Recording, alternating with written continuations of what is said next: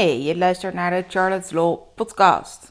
Dit is een opname van een van de video's, dus ook die kun je terugkijken. Elke dinsdag is er een nieuwe te vinden op YouTube. Charlotte, de social media jurist van Nederland. Artikel 13 van de nieuwe auteursrechtrichtlijn, ook wel bekend als het uploadfilter. Wat zijn daar nou de consequenties van? Wordt ons internet echt niet meer vrij? Heel leuk dat je nu weer kijkt naar mijn video. Ik ga je dus meer vertellen over artikel 13. Waar moeten we rekening mee houden?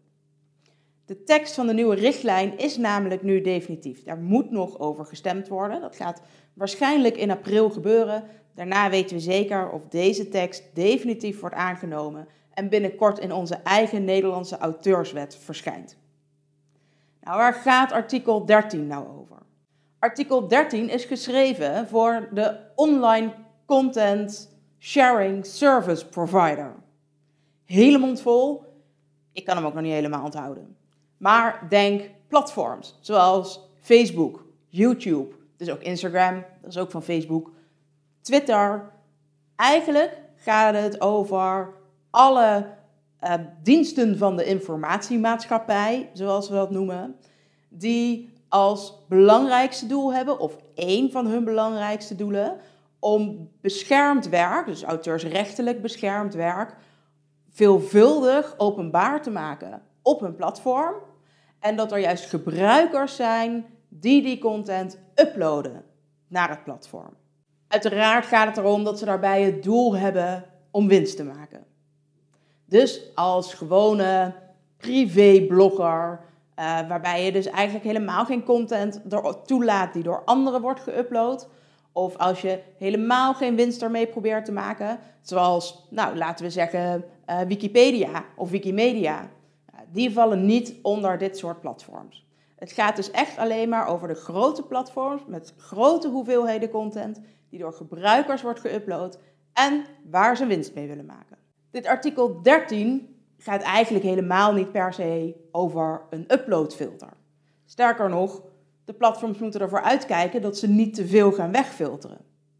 Wat ze wel moeten doen, is eigenlijk voordat de content wordt geüpload, zorgen dat ze afspraken hebben gemaakt met de makers. Ze moeten toestemming hebben om dat wat gebruikers naar hun platform uploaden, daar ook te mogen uploaden en openbaar te mogen maken. Nou, die toestemming kan bijvoorbeeld via een licentie geregeld worden. Dat moet dus allemaal vooraf, want ja, achteraf dan is er eigenlijk al een inbreuk geweest op het auteursrecht. En dat kan natuurlijk niet. Nou, behalve dat het platform die toestemming moet hebben voor zichzelf als platform, moeten ze ook meteen zorgen dat die toestemming geldt voor alle gebruikers.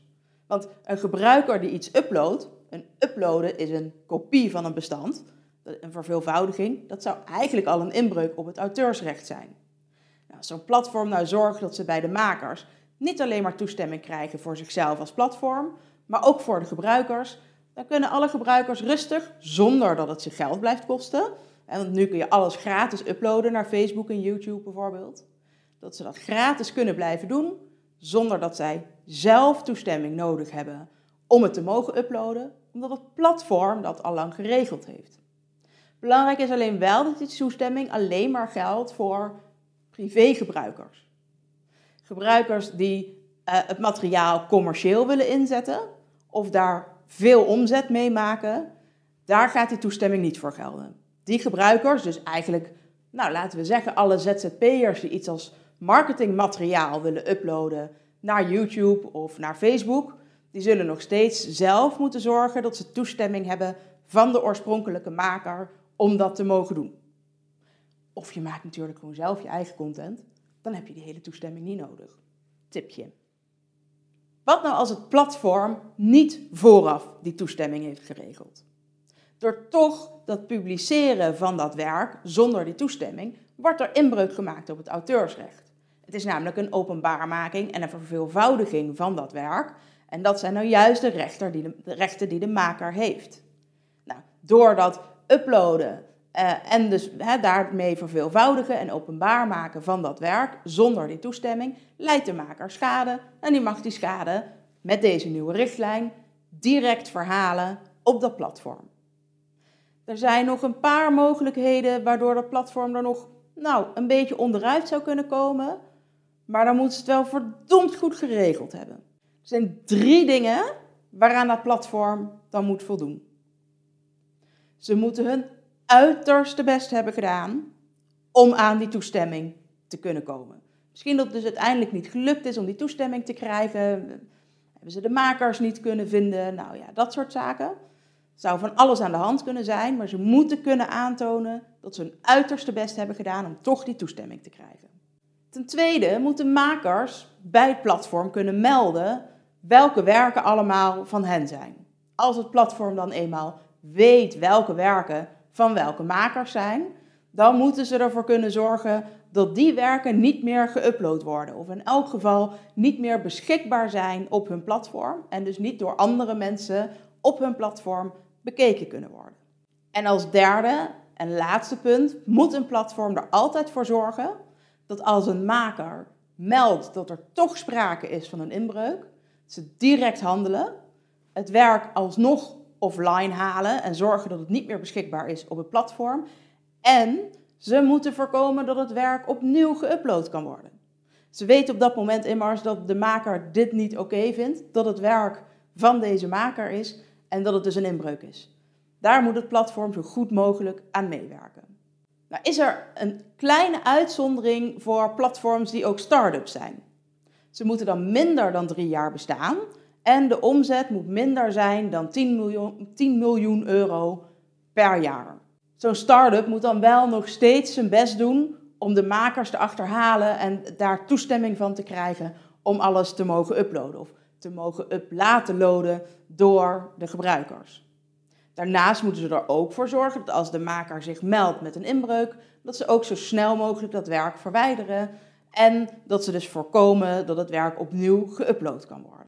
Deze richtlijn en de maatregelen die genomen worden en zoals het bij ons later in de auteurswet terecht gaat komen, mag er alleen niet voor zorgen dat rechtmatige content ook niet meer op de platformen terechtkomt. Dat is waarom het ook niet echt een uploadfilter kan zijn. Een computer kan namelijk alleen maar zwart en wit zien. Een computer denkt alleen maar in nulletjes en eentjes.